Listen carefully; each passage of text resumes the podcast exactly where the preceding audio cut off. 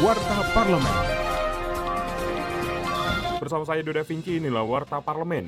Ketua DPR RI Puan Maharani meminta pelaksanaan pembelajaran tatap muka atau PTM pada masa pandemi yang direncanakan pada bulan Juli 2021 harus dilakukan dengan hati-hati. Ia meminta pemerintah dan seluruh pihak terkait memenuhi sejumlah persyaratan sebelum memulai PTM. Politisi PDI Perjuangan ini mengingatkan PTM pada masa pandemi baru dapat dilakukan setelah rasio positif COVID-19 berada di bawah 5% dan angka kematian akibat COVID-19 menurun.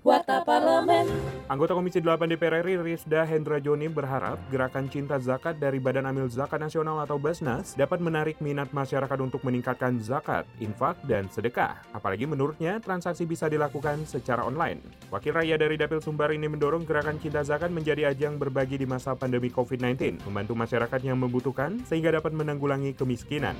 Informasi lebih lengkap kunjungi website dpr.go.id. Dalam rapat kerja dengan Mendikbudristek, Wakil Ketua Komisi 10 DPR RI, Abdul Fikri Fakih mengingatkan agar pemerintah segera memperhatikan nasib guru honorer dan tenaga pendidikan. Sekarang ini kondisi yang sedang gelisah adalah guru Pak, terutama guru honorer. Tentang satu juta rekrutmen guru honorer itu dipastikan, tapi saya khawatir kemudian banyak yang kecewa dari hasilnya. Tetapi yang penting status ini. Jadi ini suasana kebatinan guru ini sekarang lagi galau, termasuk juga tenaga pendidikan. Mohon segera perhatian tentang guru dan tenaga pendidikan. Televisi Radio Parlemen.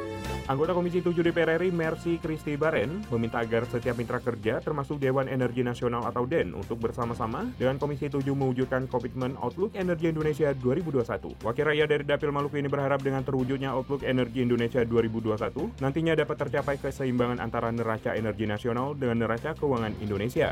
Kinerja Wakil Rakyat simak di media sosial DPR RI.